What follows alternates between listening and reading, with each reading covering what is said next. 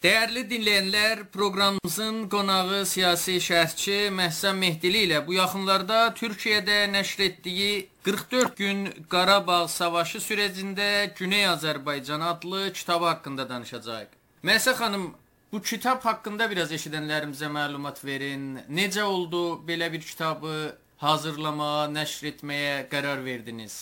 Bəli, çox sağ olun Əliza bəy. Özəlliklə bu kitabın tanıtımında bir, önəmli bir e, əslində e, faydalı olacaqdır bu müsahibə. Onun üçün sizə çox təşəkkür edirəm. Özəlliklə 44 gün Qarabağ savaşında və ondan on öncəki sürəcdə Qarabağ məsələsi hər zaman Güney Azərbaycan Milli Hərəkatının e, milli məsələlərindən önəmli, öncəlikli məsələlərindən e, biri olubdu. 44 gün Qarabağ savaşı sürəcində hardaysa biz gördük ki, koronanın çox yüksək səviyyədə olduğu bir dövrdə İranda ekonomik müşkillərin çox yüksək səviyyədə e, olduğu və milləti, orada yaşayan xalqımızı yorduğu bir e, vəziyyətdə e, Güney Azərbaycan Qarabağ savaşına öncəlik verdi və bu savaşda Azərbaycana hardaysa dəstək dəstəyini bildirmək üçün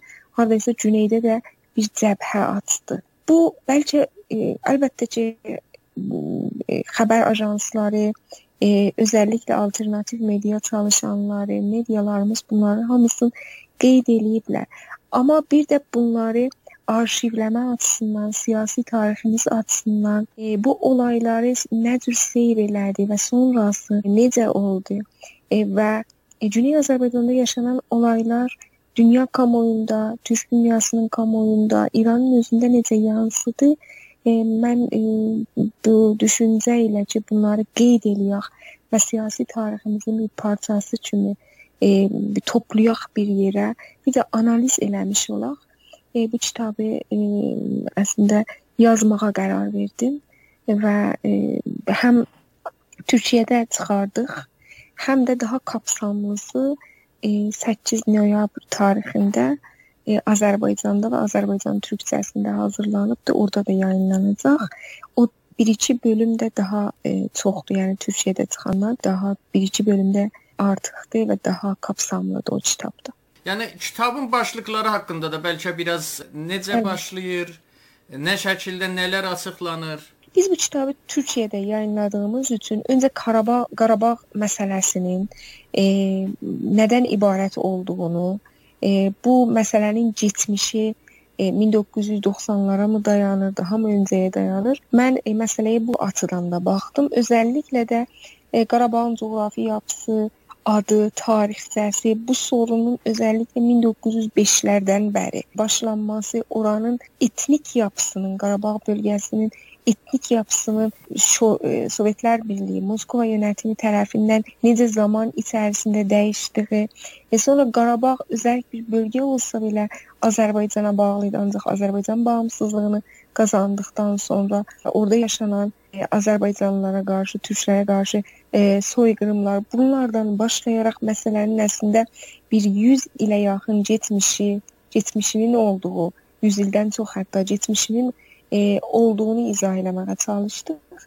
E, sonra da e, əlbəttə ki, bu 44 gün savaşı, 20, e, 2020 savaşı, aprel savaşı, Nisan ayında olan savaş və e, bunu e, qısaca tə, təbii ki, Türkiyə oxununa izah eləməyə çalışdım və üçüncü bölümü də Güney Azərbaycan milli hərəkətini özəlliklə məşrutə dövründən bəri yaxın tarixi e, olaraq Güney Azərbaycan tarixini e, məşrutə hərəkatı, ondan sonra Azadistan dövləti, Pəhləvi dövründə Güney Azərbaycanın vəziyyəti, Azərbaycan Milli Hökumətinin quruluşu və e, aradan qaldırılması, e, İran İslam Cümhuriyyəti dövründə Güney Azərbaycanın vəz e, vəziyyəti ta e, yəni e, 2006 mayıs ayaqlanması, Qasım 2000 yəni e, hər halda aban ayına rast gəlir.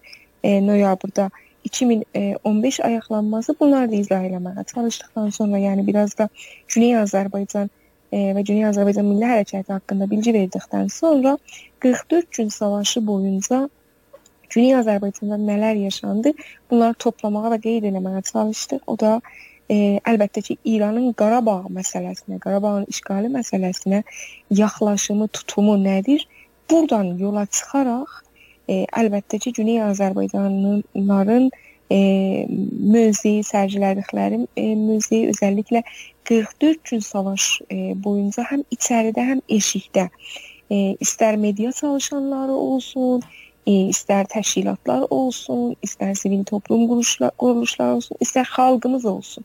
Necə tepkilərini göstərdilər? Hətta sosial mediada yola düşən e, kampaniyalar öz, e, örnək üçün mən Azərbaycanın özüyəm və İran hakimiyyətinin verdiyi sərt tepki e, və özəlliklə e, özəlliklə savaş dövründə Güney Azərbaycan torpaqlarından göndərdiyi silah sursatlar Bunlar hamısı kitabda qeydə alındı və çalışdıq ki, əlimizdə olduğu bəlgələrin hamısı hətta bir çox rəsmlərlə birlikdə qeyd eləyək kitab. Kitabın 4-cü bölümündə indi də işarə elədiniz.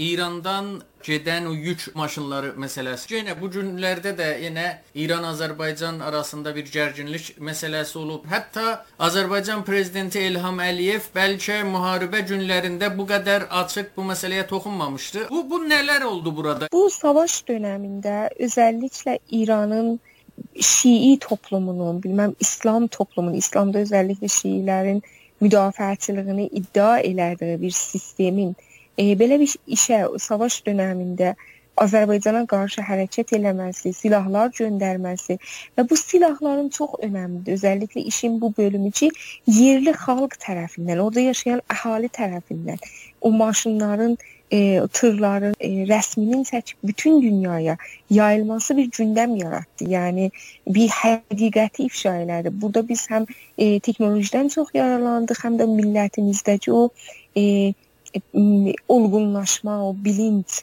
e, öz səmərəsini e, verdi. İran e, yəni iç e, dinamiklərini nəzərdə almadan e, içəridəki Azərbaycanlıları, türklərin o incikliyini e, e, əlbəttə ki, onları e, nəzərdə almadan onları incitərək e, belə bir atmışdı və yəni siyasi olaraq həqiqətən yanlış bir addımdır. Çünki elə bir e, üz-üzə durur. Savaş dövründə eyni kimliyi, eyni etnik kökəndən, eyni vətən anlayışını belə daşıyan e, insanlara qarşı sən vətəndaşlarının o göylünə, e, inancına, e, duruşuna qarşı bir e, əslində bir üzə durmadır, bir təhqirdir, bir nədir desəm, bir savaş açmaydı. Bu e, həqiqətən İran Azərbaycan toplumu ilə, türklərlə barışmaq yerinə, onları dinləmək yerinə belə bir tutum sərgiləməsi e, İranın ciddi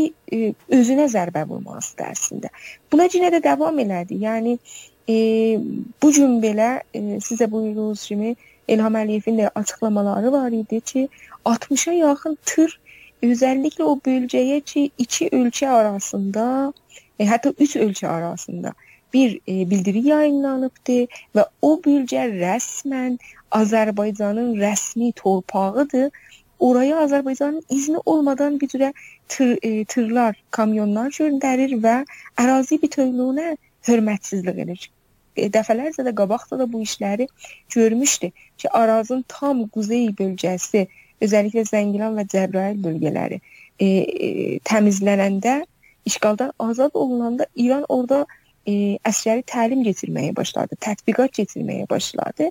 E, və əslində burada e, İran e, rəsmi olaraq, yəni e, uluslararası hüquqa görə də bir ölkənin torpaq bütövlüyünü e, həm hörmətsizlik edir, İlham Əliyevin, Sayın İlham Əliyevin təbiri ilə deyəcəm, e, həm də e, dediyim kimi o içəridəki Azərbaycanlılara, öz vətəndaşı olan Azərbaycanlılar e, və türklərə e, e, qarşı da bir savaş açır kimi e, bir cürə e, işğalı dəstəkləyir və ya işğala e, necə desəm, istir məşruiyyət verə və ya işğalın bir parçası olmaq istəyir.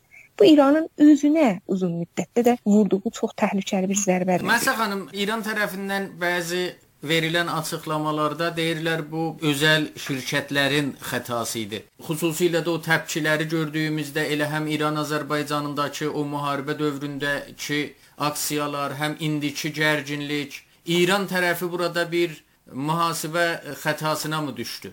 Yəni mən belə düşünürəm ki, İran daha ağıllıca hərəkət eləyə bilər. Bir tərəfdən açıq bir şəkildə Azərbaycana qarşı çıxdı.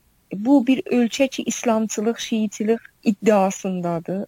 Özünə bir zərbədir. Çünki öz çəlişkidədir, eyləmləri ilə söyləmləri tutmur. Bir tərəfdən İranın içərisində e, bir türk e, məsələsi, bir Azərbaycan məsələsi vardı, bu həqiqəti vardı. Bu problemlərlə barışmaq yerinə, e, üz, e, daha doğrusu üzləşmək yerinə içəridə məsələləri doğru bir şəkildə demokratik orqanlar, e, dialoq e, zəminləri yaradaraq həll eləmək yerinə budur sağa sola saldırması, e, işğalı dəstəkləməsi e, və ya e, bu qədər e, incitməsi, insanlara öz vətəndaşlarını savaş savaş açması məncə böyük xətadır. Amma bunlar e, bu xətalara da davam edirlər. E, çünki e, baskı siyasəti ilə deyirlər bəlkə uzun bir sürə e, eləyə biləcəklər ki, bu şəkildə davam eləyirlər, amma bunlar məncə nəticə verməz. Yəni insanlar bir nöqtədən sonra dur deməyin də yollarını e, tapırlar. E, İran e, daha e, ağıllıca addımlar atmalıdır. E, sonuçda milyonlarca Azərbaycanlı və türk vətəndaş var e, İranda. E, İran şiəçiliyin müdafiəçiliyini eləmək iddiasındadır.